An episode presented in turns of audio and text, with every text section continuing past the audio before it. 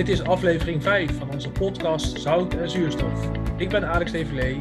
Fijn dat je luistert.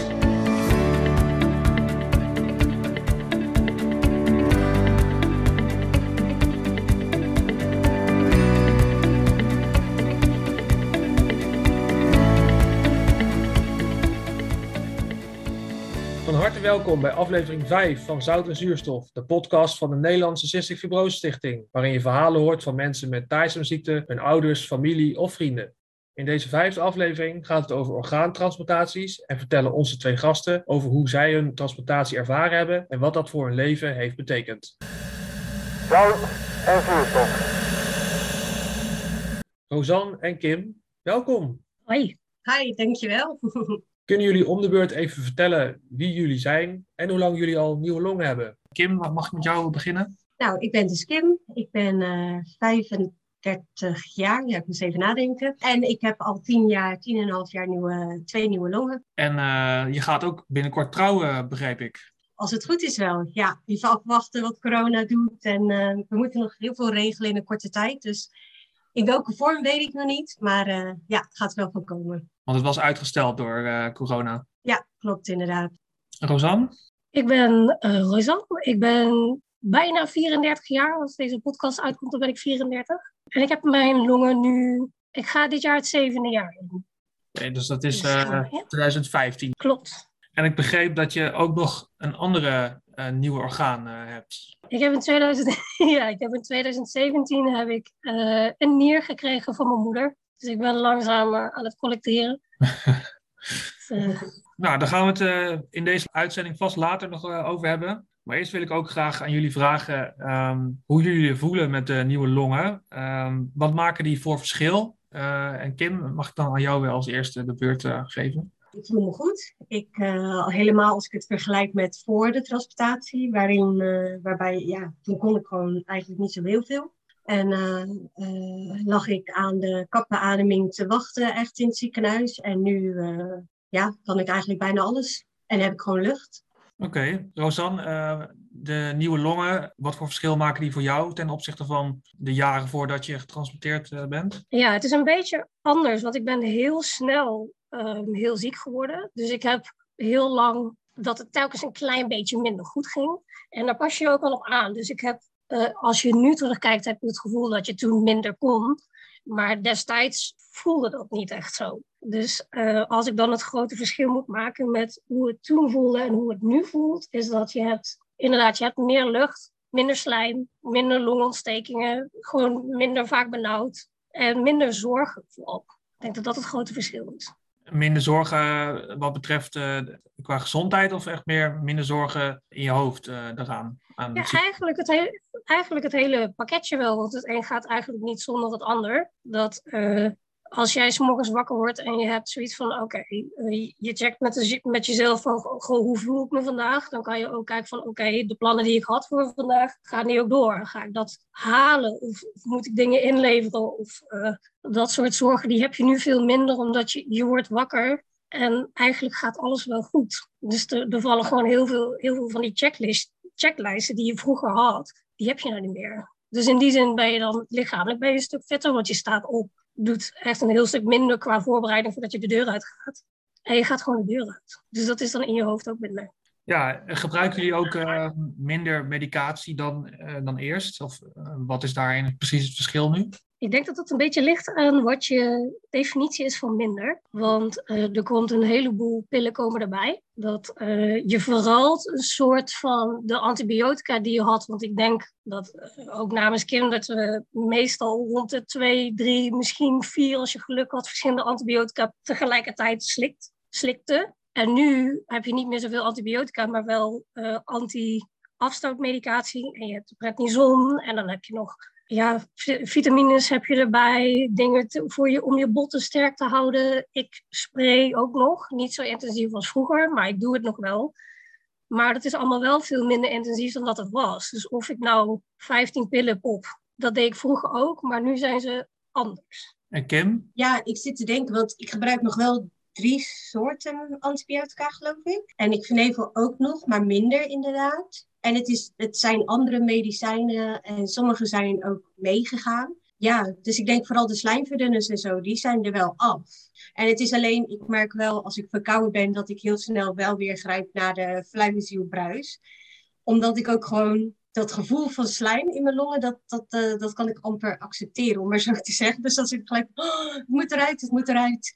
En, ja, en het kost gewoon geen moeite om even te vernevelen en schoon te maken en klaar te maken. En, en dat is ook wel het Doorgaat op de medicatie. Dat, het klinkt uh, qua longen dat jullie, waar jullie nu mee, ja, mee dealen, dat wel heel positief. Maar een mogelijk nadeel is dat er door de transplantatie is dat jullie niet in aanmerking komen voor het nieuwe medicijn dat onlangs uh, op de markt is gekomen in Nederland. Elexacaftor, Tezacaftor, Ivercaftor, Caftrio. Daar heeft een van onze uh, gasten van de vorige aflevering nog een uh, vraag over voor jullie. Mogen jullie hem zo beantwoorden? Hoi, Kim en Rosanne dit is Iris. Uh, ik was de gast bij de vorige aflevering van Zoute Zuurstof. En ik heb een vraag voor jullie en die slaat ook op het onderwerp van toen. En dat was uh, Caftrio. Ik zie dat jullie het allebei niet krijgen. En ik uh, vroeg me af hoe jullie nu naar de toekomst kijken. Ook omdat jullie uh, ja, getransplanteerd zijn. En hoe zien jullie dat, dat voor je? Rosanne, wil jij als eerste antwoorden? Hoe ik dat voor me zie persoonlijk voor mij?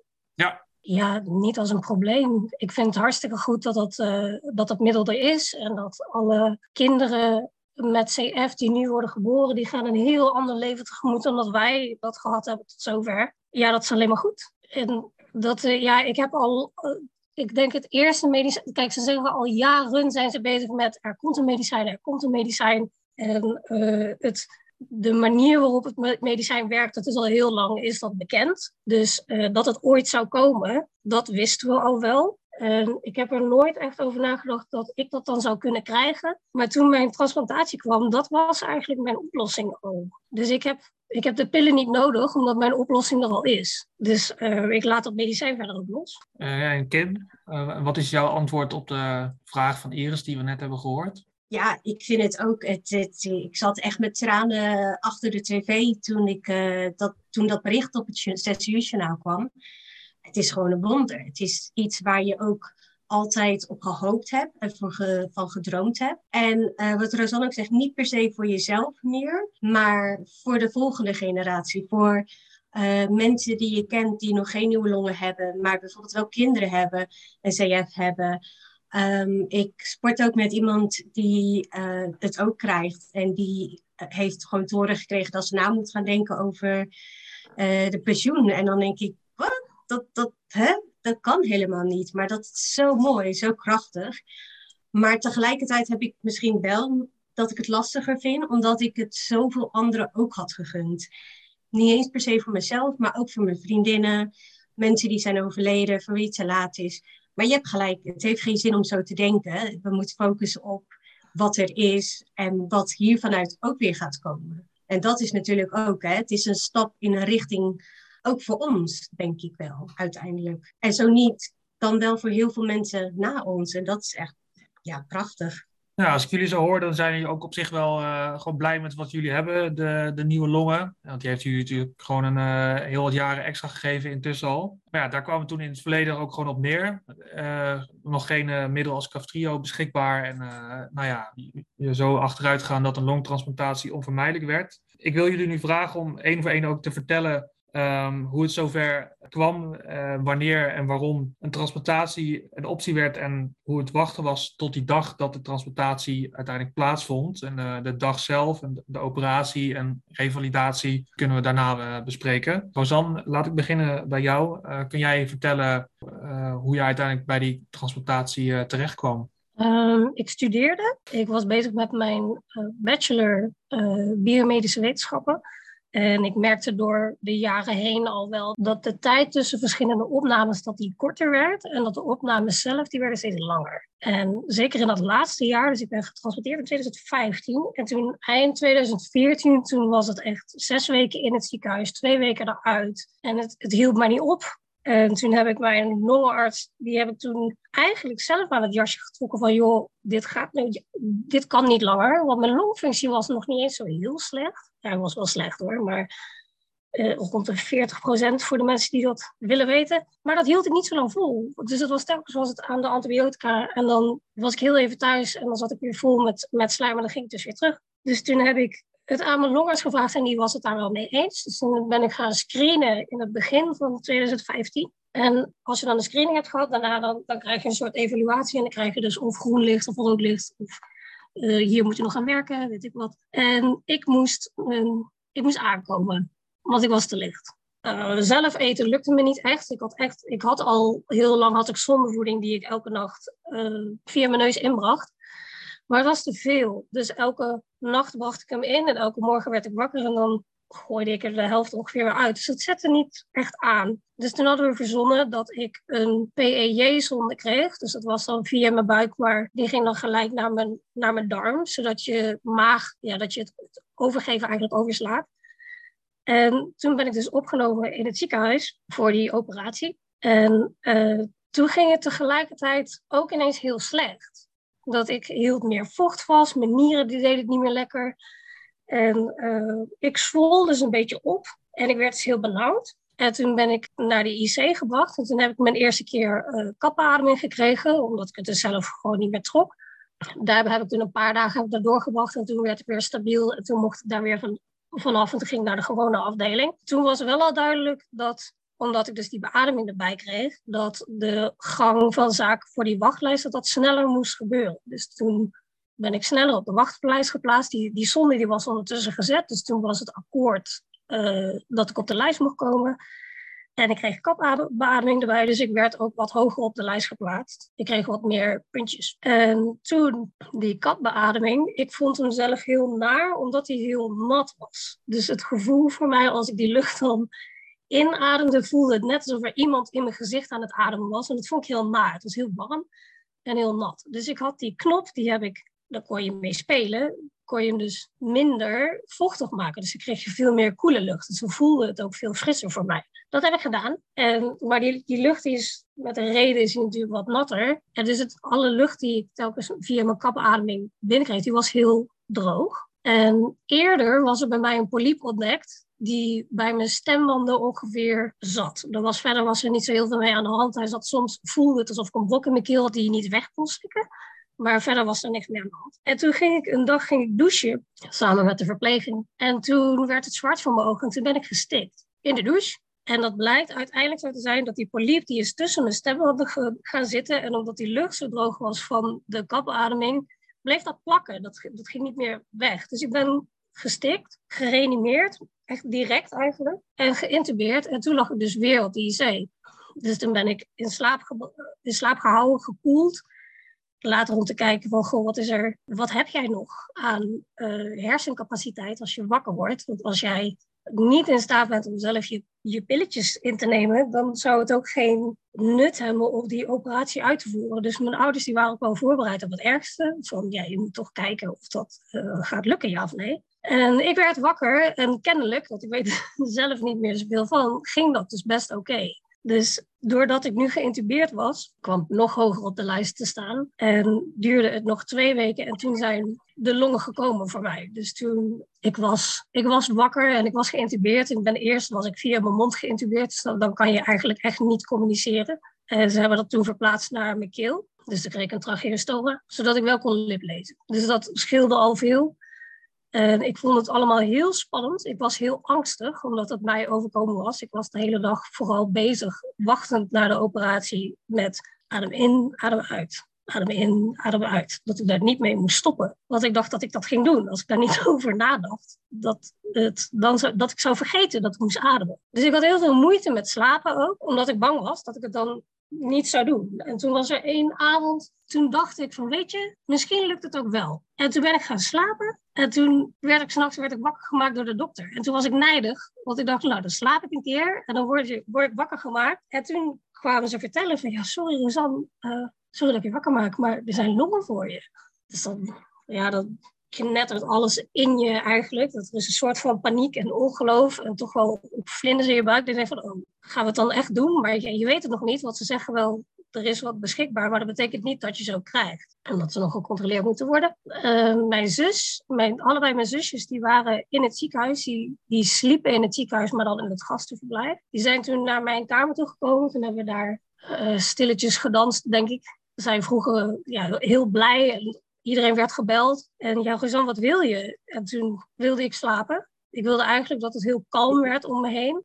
En ik ben weer toch een soort van in slaap gevallen. En toen later op de dag, dat dan acht uur s morgens of zo, waren mijn ouders er. En uh, zijn we gewoon gaan wachten. Er werd natuurlijk allemaal weer bloed afgenomen, er werden testen gedaan. En de longen, die, die moesten nog komen, die waren nog ergens anders. En uiteindelijk werd ik dus klaargemaakt om naar de OK te gaan, zonder te weten of het, of het doorging ja of nee. Maar dan ga je dus het rijtje af, dan ga je alle mensen ga je gedag zeggen. En uh, ja, met hoop dat je ook weer terugkomt. Dus dat was meer een soort ik wist het ook niet zeker, maar ik moest er maar vanuit gaan dat het allemaal goed ging. Omdat je anders moet je een ander, ja, ander gesprek gaan voeren. Dus dat was, eh, iedereen was wel heel positief. Mijn zus die mocht mee. Uh, die is met me meegelopen naar de OK. En toen waren we onderweg naar de OK. Raakten de mensen die me naar de IC moesten, of van de IC naar de OK moesten brengen, die raakten de weg kwijt. Dus we waren in het ziekenhuis aan het zoeken waar de OK was. En daarbij, het was in het Erasmus en het Erasmus werd ook verbouwd. En dan heb je hele delen die zijn afgezet en die zijn oud. Dus je had daar net zoals in de horrorfilms lege met van het plastic, van die zeilen die dan een beetje zo wapperen in de wind. En ik dacht, ik zie spoken. Maar het was daadwerkelijk zo dat je gewoon hele rare, ja, in een hele rare omgeving was. En ik dacht alleen maar, ja, jullie moeten wel opschieten, want anders dan zijn die longen dadelijk over de datum. En dan, dan lukt het helemaal niet meer. Maar je moest wel rustig blijven en ik wist het nog niet. Dus uiteindelijk hebben we elkaar hebben gehaald. Ik heb met mijn zus daar gezeten. We zeiden tegen elkaar, nou, ik zei niks, ik kon niks zeggen. Maar ze zei, we hebben alles tegen elkaar gezegd wat we moeten zeggen. Ja, dat klopt. En toen ben ik de elkaar ingereden. En toen uh, keek ik daar een beetje beteuterd, denk ik. En toen zeiden ze van, je hoeft niet zo boos te kijken, want je krijgt nieuwe longen. En toen wist ik het. En toen ging ik slapen en toen werd ik wakker. En toen, uh, ja, alsof er, ze zeggen het altijd, alsof er een vrachtwagen over je heen is gereden. En dat is ook echt zo. Dat alles is strak en pijnlijk en zwaar. En ja, niet dat je dan wakker wordt en dat je denkt, oh, wat lekker. Dat je dan ineens lekker doorademt of zo. Het was nog steeds net zo vervelend als van tevoren, want je kunt ook niet lekker ademen. Je hebt al zo lang niet meer met je spieren heel lekker uitgezet en gewoon lekker liggen zuchten. Dat die spieren, die moeten dat allemaal weer trainen. Dus dat was een kleine teleurstelling. Ik weet niet of het een teleurstelling is, maar wel dat had ik niet verwacht. Dat heeft, niemand heeft mij verteld dat het niet daarna is dat je gelijk heel erg lekker door kunt ademen. Dus dat moet je dan ook echt weer leren. Dus zeker het traject daarna was minstens zo zwaar als het, toewerken naar. Ja, nou, ik uh, vind het sowieso een heel zwaar verhaal wat je uh, nu intussen hebt verteld. Het komt allemaal heel soepel uit alsof het een beetje de normaalste zaak van de wereld is. Maar toch wel heel heftig wat je hebt meegemaakt. Dus ik vind het heel, ja, heel waardevol dat je het zo allemaal vertelt. Dan gaan we zo even verder vanaf de, ja, dat je wakker werd eigenlijk. Daar ben je nu ongeveer uh, gestopt. Maar daar zit natuurlijk ook nog wel uh, wat bij. Kim, ik hoop dat jouw verhaal uh, iets minder heftig is dan het van Roosdam. Maar ja, kun jij vertellen hoe het bij jou is gegaan? Nou, eigenlijk heel geleidelijk. Wat je eerder al aangaf, word je slechter. En pas je aan. Je kan steeds minder. Ik deed eigenlijk ook niks wat dat betreft. Ik heb twee vriendinnen met CF, die ook getransporteerd zijn, Daphne en Jannie. Wij spraken vaak af en dan uh, zaten we gewoon een beetje tv te kijken. En dan gingen we aankleden en misschien een boodschapje doen. En dat was dan ook onze dag. Maar ook als ik alleen was, was dat vaak ook mijn dag. En dan uh, ging ik bij mijn zus en mijn zwager eten, en mijn neefje en nichtje. En dan uh, kon ik gewoon aanschuiven en misschien een paar hapjes mee eten en even meedoen met het bedritueel. En dan ging ik naar huis en dan begon ook weer het sprayen en zelf weer klaarmaken als het ware voor bed. Dus ik deed niet zoveel. Ik was toen al wel gescreend volgens mij. Dat, uh, dat hebben we gedaan. Met name ook wat jij zegt, mijn longfunctie was niet slecht genoeg. Want je moest 30% hebben geloof ik. En ik zat rond de 35. Maar ik had vrij regelmatig longbloedingen. En ik was dus ook zuurstofafhankelijk. En ik stapelde die CO2. En nou ja, ook door die longbloeding met name en het emboliseren en weer emboliseren. En ik weet nog een keer, toen was ik geëmboliseerd, toen kwam ik s'avonds, lag ik thuis in mijn eigen bed en ik draaide me om en ik voelde het gewoon, je voelde iets knappen en borrelen. En dat ik echt dacht, jee, mag gaan we weer. Um, dus daarom is besloten om te, te screenen. Nou ja, en ik was goed genoeg om de transportatie aan te kunnen, maar ook slecht genoeg uh, om ervoor in aanmerking te komen. Dus ben ik op de lijst gezet. Tot dus het moment dat ik op een gegeven moment, nou ja, wat Rosanne ook aangaf, steeds vaker kuurtjes, steeds vaker, uh, steeds langer, resistente pseudomonas, waardoor je ook gewoon minder keuze hebt in antibiotica's. Hè? Dus dat de arts ook een beetje met handen in het haar staat. Ja, hoe gaan we je weer oplappen? Nou ja, en toen was het op een gegeven moment, toen werd ik weer ziek. En dan moet je altijd langs de spoedeisende hulp en een keurensje als het ware. En toen wilden ze me eigenlijk al houden. En toen zei ik, nee joh, geef me gewoon een orale pillenkuur, kom wel goed. Ik ga wel gewoon naar huis. Maar goed, vervolgens een week later zat ik daar weer. En toen, dat weet ik nog wel, toen zat ik op de SCH. Toen werd ik ook echt naar de medium care gezet daar. Omdat mijn saturatie dus zo laag was. Maar ik had dat nog nooit gehad. Dus ik dacht, oké, gek beetje overdreven, maar goed. Ehm, en toen werd ik dus ook opgenomen en in die week werd ik al gewoon urgent gezet. En nou ja, ondanks IV, antibiotica kuur, intraveneuze antibiotica kuur en meer die kappenademing op. En nou ja, wat ze allemaal nog meer deden, knapte ik maar niet op. En ook probleem, ik woog te weinig, ik was te licht.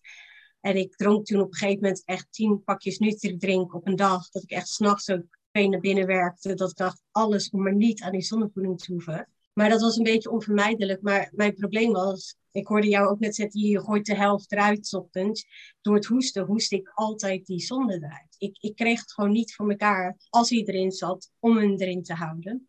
Dus heb ik ook nog een pechzonde uh, gekregen, dus wel gewoon in je maag. Ehm, maar ja, goed, op een gegeven moment toen ehm, was gewoon wachten. Wat jij ook zegt, wachten. En dan, het ging eigenlijk best goed, dacht ik. Maar ook weer niet. Het is een beetje wat je jezelf voorhoudt. Ik denk een soort coping. Um, want je moet wel. En het was op een zaterdag. En mijn uh, broer en schoonzusje, die uh, waren net teruggekomen uit het buitenland. Die hebben daar een aantal jaren gewoond. En die zaten dus in mijn huisje, omdat ik niet naar huis mocht. En die waren op bezoek. En um, daarna kwam mijn zus met zwager en de kindjes en mijn moeder. Uh, want die waren ook even shoppen in Utrecht. Omdat ze dachten, ja, we zijn zo vaak in Utrecht, maar nooit echt in de stad. Dus die dachten, nou, dan gaan wij eerst shoppen en komen we daarna bij jou langs.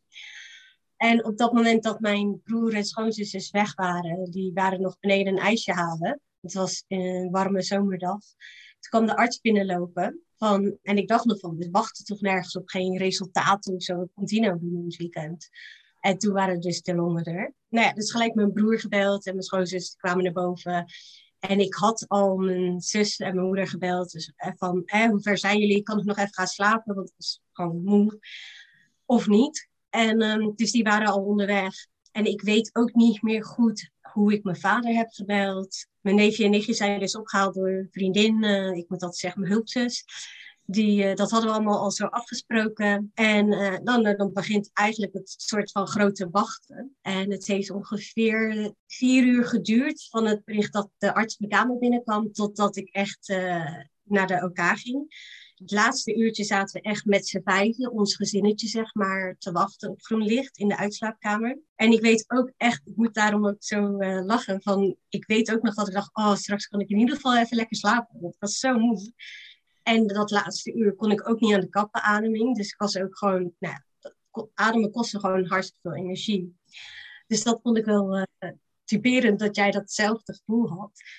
Maar goed, dus toen van kwart voor acht tot kwart voor negen hebben we gewacht. Want kwart voor negen kregen we dus groen licht. En ik weet nog dat we daar zaten. En dat ik mijn vader stond een grapje zat, zat te maken.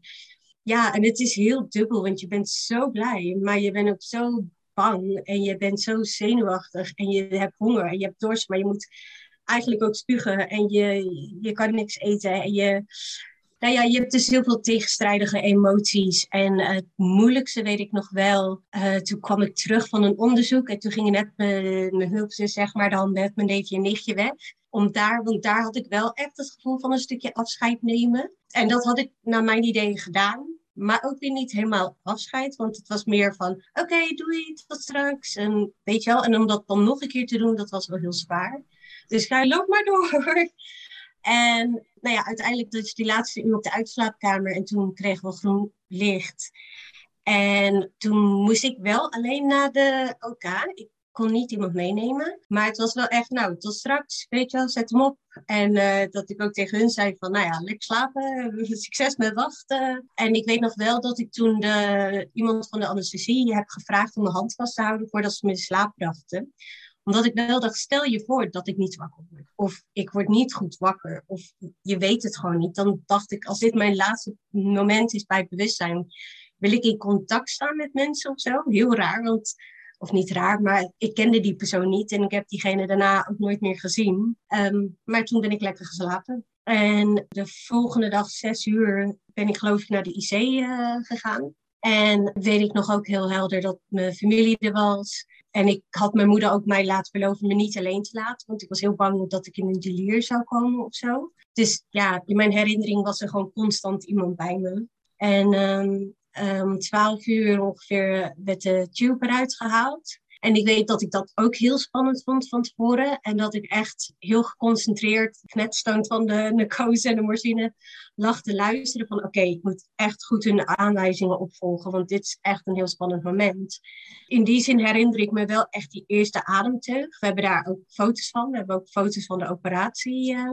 Maar wat je zegt, het voelt niet gelijk als wow, ik heb zoveel lucht. Omdat, en je bent helemaal onder invloed van de medicijnen en de narcose. En ook, het doet gewoon hartstikke pijn. En ja, dat, dat, dat besef kwam pas later, dat ik echt naar de afdeling ging en ik steeds meer wakker werd.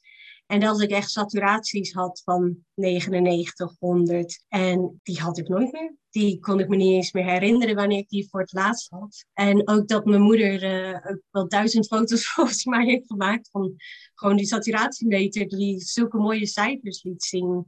Dat, en toen ik naar de gewone afdeling ging, dat was binnen twee, drie dagen geloof ik dat ik ook echt dat besef een beetje had. En um, ik weet nog wel dat ik dat echt voor het eerst, dus dat het echt binnenkwam, dat ik echt moest huilen. Dat ik dacht, oh, het is gewoon echt, ik heb het gedaan. Of ik heb geslapen.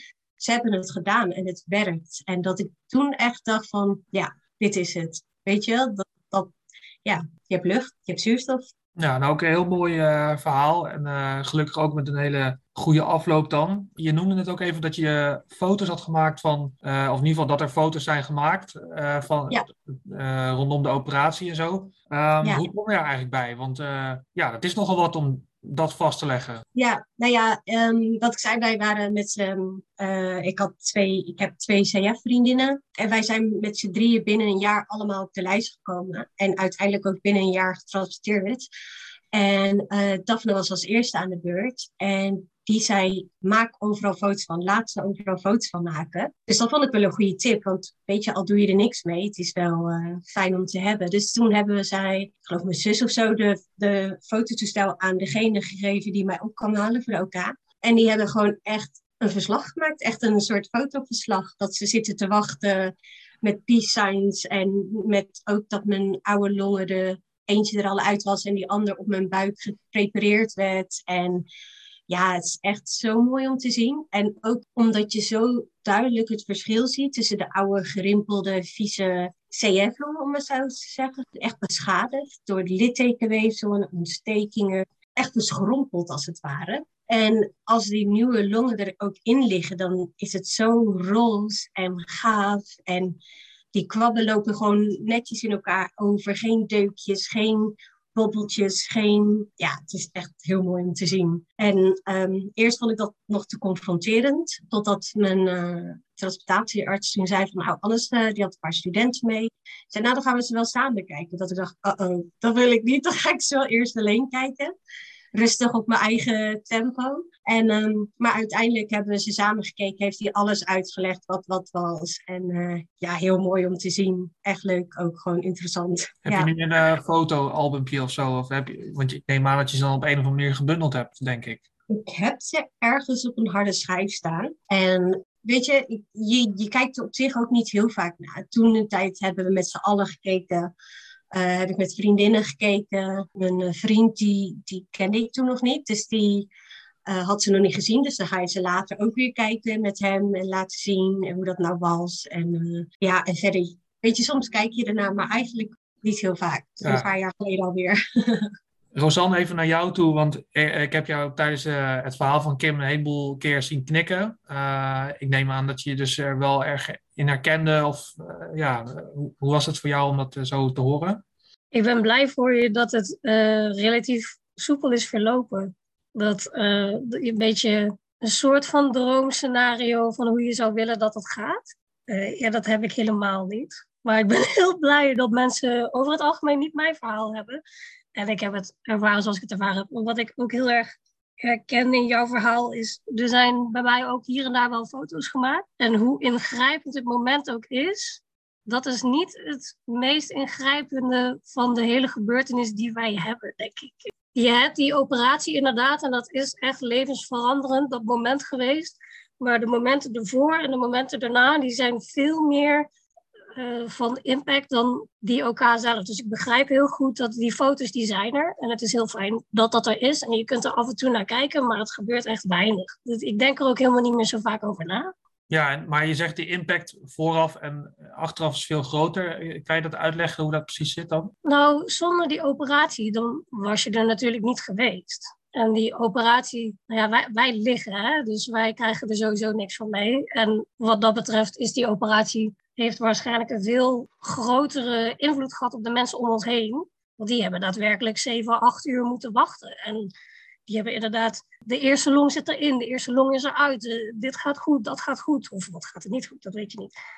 Dus voor, voor ons is dat niet super belangrijk. Voor de mensen om ons heen misschien wel. Die vinden dat misschien fijner om dan naar die foto's te kijken. Maar ja, wij zijn voor de operatie bezig met vechten totdat het zover is. En als je dan wakker wordt, dan ben je aan het herstellen. En dat is echt heel intensief. De operatie is het makkelijkste deel van dit alles. Ja, even naar het herstel. Uh, hoe ging dat bij jou, uh, Rosanne? Je hebt natuurlijk uh, ja, niet zo'n droomscenario meegemaakt als Kim, zoals jij dat dan zelf zegt. Nee, ja, ik, ik moest van ver komen. Dus dan, moet je ook, dan is je herstel ook heel lang. Ik heb drie maanden in totaal op de IC gelegen. Maar na mijn operatie een maand of anderhalf ongeveer, met verschillende complicaties. Uh, die deden het niet goed, dus ik heb een tijdje gedialyseerd en daarvoor moest ik op de IC blijven. Ik heb verschillende longontstekingen gehad en ik had wel een delier, dus heel veel rare dromen ook gehad en gewoon rare momenten dat ik niet wist waar ik was en de wereld die stond heel vaak op zijn kant. dat ik dan, ja, het was gewoon raar. Je had zoveel medicijnen dat je, je niet zo goed wist waar je was. Dus elke morgen als ik wakker werd, dan was ik ook in een andere kamer. Ik dacht heel vaak dat ik thuis was, maar dat was natuurlijk niet zo. Ik was gewoon in datzelfde rare kamertje op de IC. Maar langzaam werd ik wel helderder. Veel meer pijnmedicatie gingen af. Al die medicijnen om me rustig te houden. Daardoor ging ik uiteindelijk ook minder hallucineren toen, toen dat allemaal eraf ging. En toen was alleen de dialyse die ervoor zorgde dat ik nog op de IC moest blijven. Dus toen ik wat meer wakker werd, merkte ik ook dat dat eigenlijk best gezellig was. Dat uiteindelijk die mensen, of die zijn hartstikke aardige mensen, ik kon, ondanks dat, een, dat ik een tracheostoma had, kon ik wel praten, want ik kreeg een uh, spraakklep. Toen ben ik langzaam, kon ik me ook weer uiten. En dat scheelde al heel veel ook in je mentale gesteldheid. Dus ik heb heel lang heb ik niet kunnen praten. En degene die kon liplezen, dat was heel leuk als die dat kon. En dan kon je een beetje communiceren. Maar afgezien daarvan, ik was zo slap. Ik kon mijn armen niet optellen. Ik moest leren zitten. Ik moest alles weer, alles weer leren. Dus uh, dat heb ik een heel deel op de IC gedaan. Toen ben ik nog drie tot vier weken op de gewone afdeling geweest. En is ook langzaam mijn uh, tracheostoma eruit gehaald. En toen heb ik dus daar mijn eerste teug gehad. Uh, zonder de tube, zeg maar daarna, toen ik uiteindelijk ontslagen ben uit het ziekenhuis, ben ik heel snel gaan revalideren in een revalidatiecentrum. En daar heb ik toen drie maanden gezeten. En vanuit daar ben ik een paar maanden daarna weer gaan studeren. Ja, dus alles bij elkaar, nadat je bent geopereerd, heeft het wel weer een jaar geduurd voordat je uh, ja, weer uh, het leven echt kon oppakken eigenlijk. Het leven wat ik wilde hebben. Dat ik, ik leefde natuurlijk al wel. Dat ik was, uh, ik, ik woonde terug bij mijn ouders en ehm, ik kon redelijk gaan en staan waar ik wilde. Maar het leven wat ik leed voordat ik werd, voordat ik de hele malle molen inging, dat was gewoon studeren, op jezelf wonen en voor jezelf zorgen. Dat deed ik toen weer in 2016. Dankjewel dat je dit ook uh, wilt delen. Uh, Kim, was jouw revalidatie uh, een beetje hetzelfde of heel anders? Nee, heel anders. Ik heb drie weken, geloof ik, daarna nog in het ziekenhuis gelegen eerste week ging ik al op de loopband lopen met de drains uh, hè, die er nog uithangen en zo. Maar zonder zuurstof en een goede saturatie. En dat was echt onvoorstelbaar ook. Want dat had ik ook jaren niet gekund. Dus ja, ik vond het alleen maar tof. En zingen in de keuken heb ik je ook nog over gehoord. Uh... ja, dat was uh, de eerste, want toen ik naar huis mocht, toen dacht ik, nou dan blijf ik nog even bij mijn moeder slapen. Want ja, geen idee hoe dat gaat om, alleen en na transplantatie. En dat ik dus, uh, dat mijn moeder zei van, uh, dat ik dus wakker was geworden, s ochtends vroeg, in plaats van om tien uur pas met moeite. En dat ik dus broodjes stond te smeren in de keuken en dat ik zat te zingen met de radio, mee zat te zingen. En dat zij dacht van, hè, hoor dat nou goed? Want op het laatst had ik daar gewoon geen lucht meer voor. En dat dat voor haar zo'n uh, emotioneel moment was. Zo'n moment van, jeetje, ik heb, mijn, ik heb mijn kimmetje weer terug, zei ze. Dat, ze me, ja, dat ik weer kletste en niet meer dat ze me kon vinden door middel van het hoesgeluid in de supermarkt. Dus dat, uh, daar heb je weer gewoon lucht voor. In plaats van dat je gewoon denkt van, nou, laat maar wel. Ja, wat, wat lief uh, ook dat ze, dat, dat ze dat inderdaad zo, uh, zo zegt. Uh, Rosanne, even naar jouw moeder dan. Als in dat jij dus van haar een nier hebt gekregen. wat je ja, ook hebt verteld. Um, want ja, jouw revalidatie duurde dus wel een stuk langer dan die van Kim. Maar ja, op een gegeven moment moest je dus ook een niertransplantatie ondergaan. Hoe kwam het daartoe uiteindelijk? Alle medicijnen gewoon door, door je, je leven lang al die, al die verschillende soorten antibiotica, dat gaat niet in de koude kleren zitten, denk ik. Uh, de hartstilstand die ik kreeg toen ik gestikt was, die heeft daar niet aan bijgedragen. Dat heeft ook wel schade gegeven aan die nieren. En de afstootmedicijnen, die zijn ook toch best wel schadelijk, ook voor je nieren. Dus uh, ze waren gewoon op. En toen heeft de nefroloog, die zei toen, goh, heb je mensen in je familie of wil je op de lijst of wil je gaan dialyseren? Nou, dat wilde ik eigenlijk echt niet. En, uh, we hebben best een groot gezin, dus het is misschien wel brutaal, maar ik dacht van er is vast wel iemand die, die het misschien wil doen. En je denkt er in het begin denk je er heel makkelijk over van, oh boeien, iemand die, uh, die doet dat wel.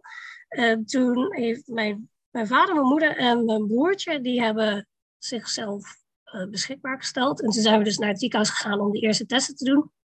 En daar kwam uit dat mijn moeder dan de beste match was met mij. En nou, toen zijn we dat hele traject ingegaan en ik vond dat toen langzaam vond ik dat wel zwaarder worden. Ja. Hoe lang na je longtransplantatie had je die, uh, had je die mini-transplantatie nodig? Ongeveer twee. Ongeveer tweeënhalf. Twee jaar, ja, sorry. Oké, okay, ja. Uh, nou, ik denk dat we, we zijn twee jaar, na twee jaar zijn we ermee begonnen. We zijn het traject ongeveer begonnen in april en ik heb hem uiteindelijk gekregen in december.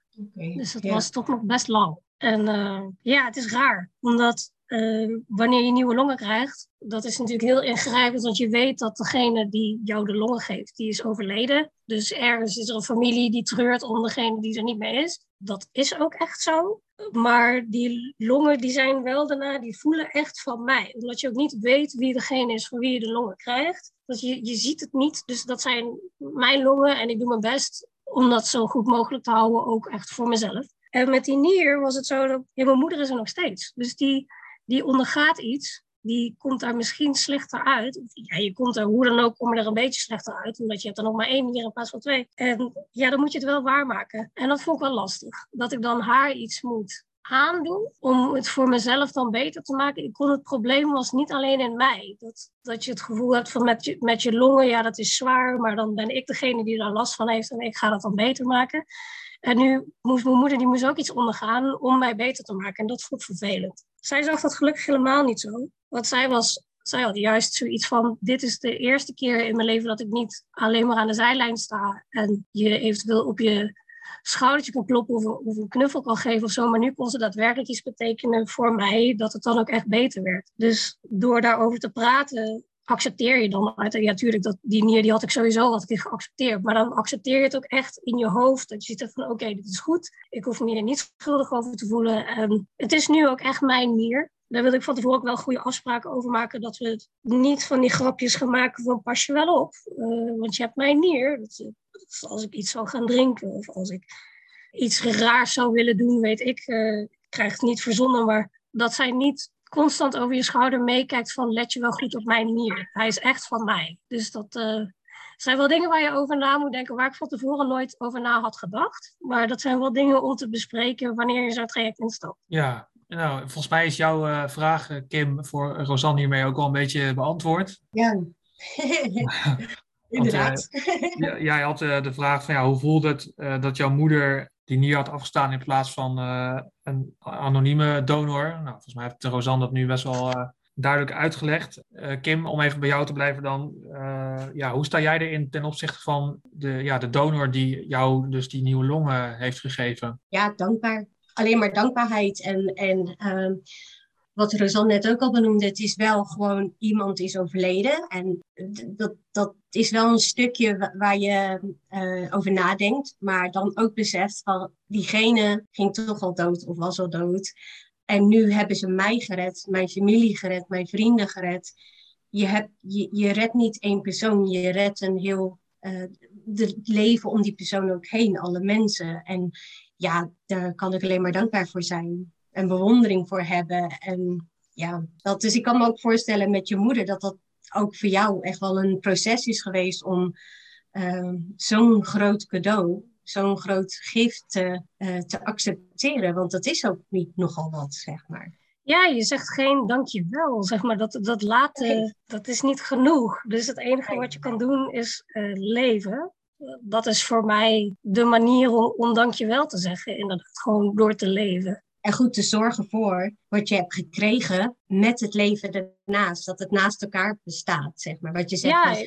als je eens een keer een glaasje alcohol drinkt, dat je moeder niet... Uh, zal zeggen van hé, hey, dat mag niet, want dat is ook het leven. Een feestje met een glaasje wijn of um, eens een keer uh, te laat in bed of op vakantie gaan, een uurtijdverschil en dat vergeten en dan je pillen een uur laten nemen. Of noem maar iets. Dat is ook het leven. Ja, klopt. En voor haar ook. Ik heb dat haar ook wel verteld. Dat uh, ik ben echt geen ik denk dat dat geen van allen zijn. Zeker niet als je getransporteerd bent, dat je dan een ontzettende losbol bent. Tuurlijk zijn er nog wel momenten dat het, we niet alles volgens de regels doen. Maar over het algemeen ben je best wel strikt. En we zorgen echt wel goed voor ons lijf, omdat we weten hoe het is om het niet te hebben. Maar ook daarin, ja, ik drink ook echt wel eens een keer te veel. Maar dat zij ook weet dat, het, dat ik het wel goed doe. Dat je ja, goed voor je lijf zorgt, ongeacht welke organen erin zitten. Maar ik denk ook wel dat wij nog steeds des te meer beseffen hoe kwetsbaar onze gezondheid is. En dat je alsnog af en toe op je plaats wordt gezet. En daardoor ook weer in het geheel komt van... Oh ja, ik moet echt gewoon goed gaan sporten. Goed op mijn voeding letten. Goed, uh, een soort van nog beter je best doen. Maar tegelijkertijd, soms is het gewoon wat het is. En dat is ook wat jij zei van dat was voor ons, de transportatie was voor ons op dat moment wat er voorhanden was om ons te redden. En soms heb je gewoon pech en soms heb je geluk en je kan je best doen, maar het ligt niet allemaal binnen je eigen macht. Nee, dat vind ik wel heel lastig. Ik heb het heel lang heel lastig gevonden dat ik dacht, uh, elke keer als het dan niet goed ging, dat dat door mezelf kwam. Dus ik wist wel dat er een ziekte was, maar ik dacht altijd in oorzaak en gevolg in plaats van pech. Pech bestond eigenlijk niet. Hm. Terwijl het, het wel een soort van makkelijker maakt als je ook pech accepteert. Want het is er nou eenmaal wel echt. Je kunt elke dag je fysiotherapie doen en je kunt elke dag je spreetjes op precies de juiste momenten nemen. En dan nog kan je opgenomen worden en dan is dat echt pech. En dan is het ook super frustrerend, nog steeds. Ja. Maar het ligt niet allemaal uh, aan jezelf. Zo. Je, het, ja, wat ik zei, in je eigen macht. Dan ga ik nog even door naar uh, iets anders nog. Ik had jullie van tevoren nog gevraagd om iets mee te nemen waar jullie steun of motivatie uithalen eh, of uithalen nog steeds in uh, jullie leven. Uh, misschien nog steeds op dit moment wel. Um, dan wil ik jullie vragen om het één voor één even te benoemen wat dat voor jullie is. Kim, wat is voor jou echt iets heel belangrijks in je leven? Voor mij zijn het de mensen om me heen. En dat is altijd geweest. Weet je, waar vriendinnen uh, altijd langskwamen en me steunden. En dat, we, dat ik niet mee kon op fysiek niveau, maar wel op geestelijk niveau. Dat we gewoon konden levelen. En dat zij bij mij tot rust kwamen, terwijl ik dacht, ja, ik kan jullie niks bieden. Maar dat ze dachten, oh heerlijk, lekker bij Kim op de bank. Uh, en Daphne en Jannie zijn voor mij echt de, de, grootste steun, denk ik wel bijna geweest, samen met mijn familie. Omdat we zoveel dezelfde ervaringen hebben en elkaar zo lang kennen en zoveel hebben meegemaakt samen. Dus ja, wij vinden het altijd een, een vies woord haast, dat leuk, maar dat lotgenotencontact. Ja, dat, dat was met hun echt, nog steeds is dat gewoon zo fijn. En nu ook is mijn verloofde dus erbij gekomen en nieuwe vrienden. En je, ik heb een neefje en nichtje erbij gekregen. Dat zijn wel dingen waarvoor je het doet. Want je wil in hun leven zijn. En dat vind ik dan weer heel egoïstisch. Ik wil hun meemaken. Zij mij ook, ga ik vanuit. Maar ik wil erbij zijn. Ik wil dat zien. Ik wil ze zien opgroeien. Ik wil ze de leukste tante zijn. Ik wil de, weet je, ik wil leuke dingen doen met mijn uh, vriend. Ik wil met mijn vriendinnen leuke avonturen beleven. Ja, en dat motiveert mij ook eigenlijk wel naast mijn donor om gewoon goed voor jezelf te zorgen. Um, omdat ik erbij wil zijn. Ik wil bij die mensen zijn, zeg maar. En uh, Rosanne? Soortgelijk. Ik heb uh, ja, ook mijn familie, ik heb ze voordat ik getransporteerd had, had ik ze gevraagd om op een kaartje uh, een hartje te tekenen. Ik heb ze hier. Dus dat zijn uh, mijn ouders, mijn broertjes en mijn zusjes. En ik wilde dat heel graag hebben, omdat ik dat wilde tatoeëren op mijn lijf. Dus dat is het gezin. Dus die staan op mijn arm. Dus die zijn altijd bij me. Dat is gewoon symbool voor zonder hun was het niet gelukt. En ook dat nu en dat ze hebben altijd zoveel dingen voor mij gedaan. En dat je ook heel graag wil teruggeven. Dat, dat herken ik wel wat je zegt. Van, je wil er nog zijn, maar je wil ook gewoon zoveel geven. Want je hebt zoveel ontvangen. Dat je, je wil het ook. Ja, er zit zoveel liefde in mij wat er gewoon uit moet. Dus je bent gewoon ook nog niet klaar. Je bent nog niet klaar op de wereld. Je moet nog zoveel dingen doen en geven, voornamelijk. Dat is ook wat jij zegt, hè? Dat, dat teruggeven, terughelpen. Dat heb ik ook heel erg.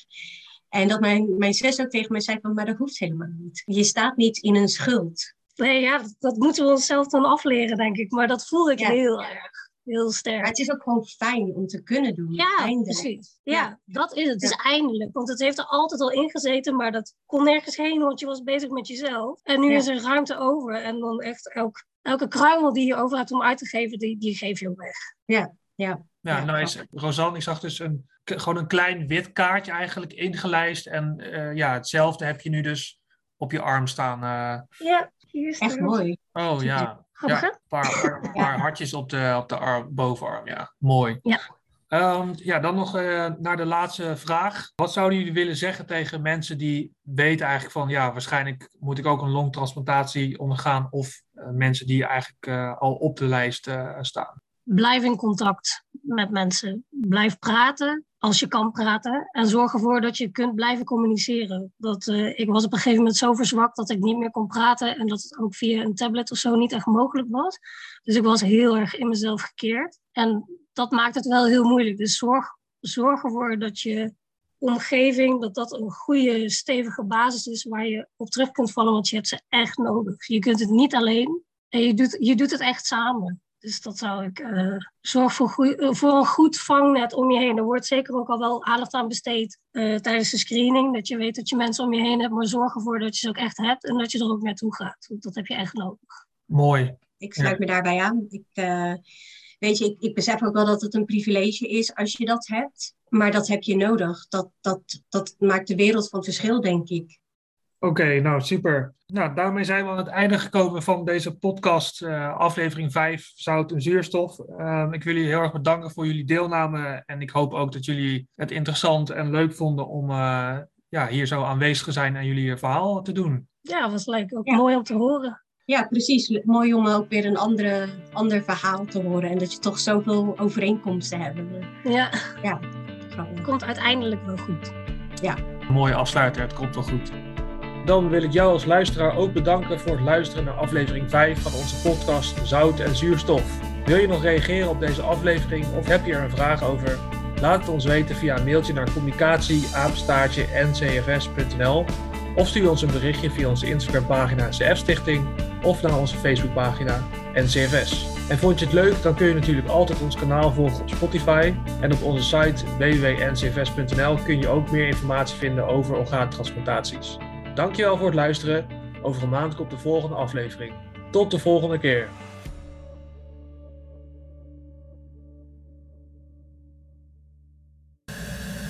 Zout en.